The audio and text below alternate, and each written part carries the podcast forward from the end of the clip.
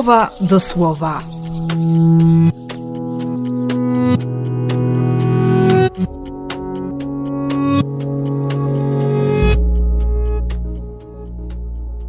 Dwudziesty trzeci października, poniedziałek.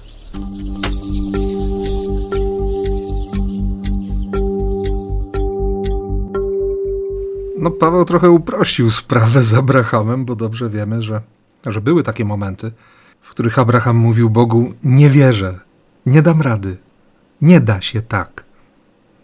Potem była prawdopodobnie burzliwa dyskusja, w której Bóg wysuwał argument obietnicy.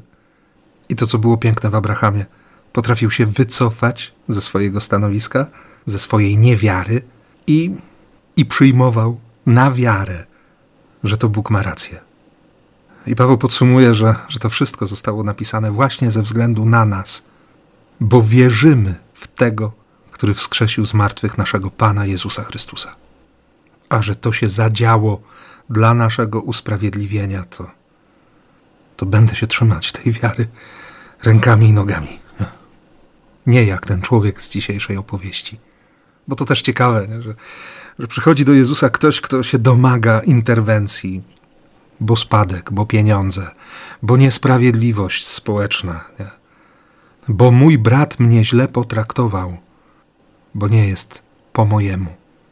A Jezus chwilę wcześniej jeszcze opowiadał o tym, że ojciec się troszczy, że ma doskonałą wiedzę na temat ilości włosów na naszej głowie i że jesteśmy ważniejsi niż całe stworzenie bo Twoje i moje życie jest, jest cudem, jest Jego zachwytem.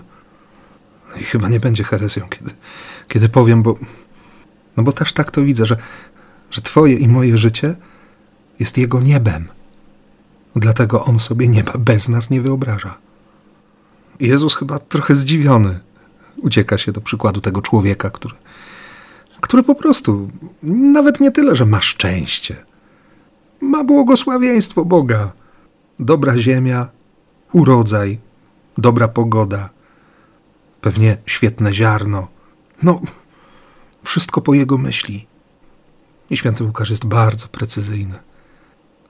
Rozważał sam w sobie, siebie potraktował jak Boga. Choćby źdźbła wdzięczności, modlitwy, pytania, to co o tym myślisz, Boże? Jak to widzisz? Tylko zasada umiesz liczyć, licz na siebie. No więc przychodzi Bóg i mówi: Głupcze, kto tu jest Panem? Kto jest Panem mojego życia? Kto panuje nad moim życiem? Kto panuje w mojej codzienności? Mocno dzisiaj brzmi we mnie to pytanie. Czy potrafię Bogu oddać wszystko. Sukces i porażkę, szczęście i cierpienie, radość i ból. Czy potrafię to wszystko położyć w Jego dłoniach? Czy potrafię ze zrozumieniem zaśpiewać, no przynajmniej powiedzieć: Liczę na Ciebie, liczę, Ojcze.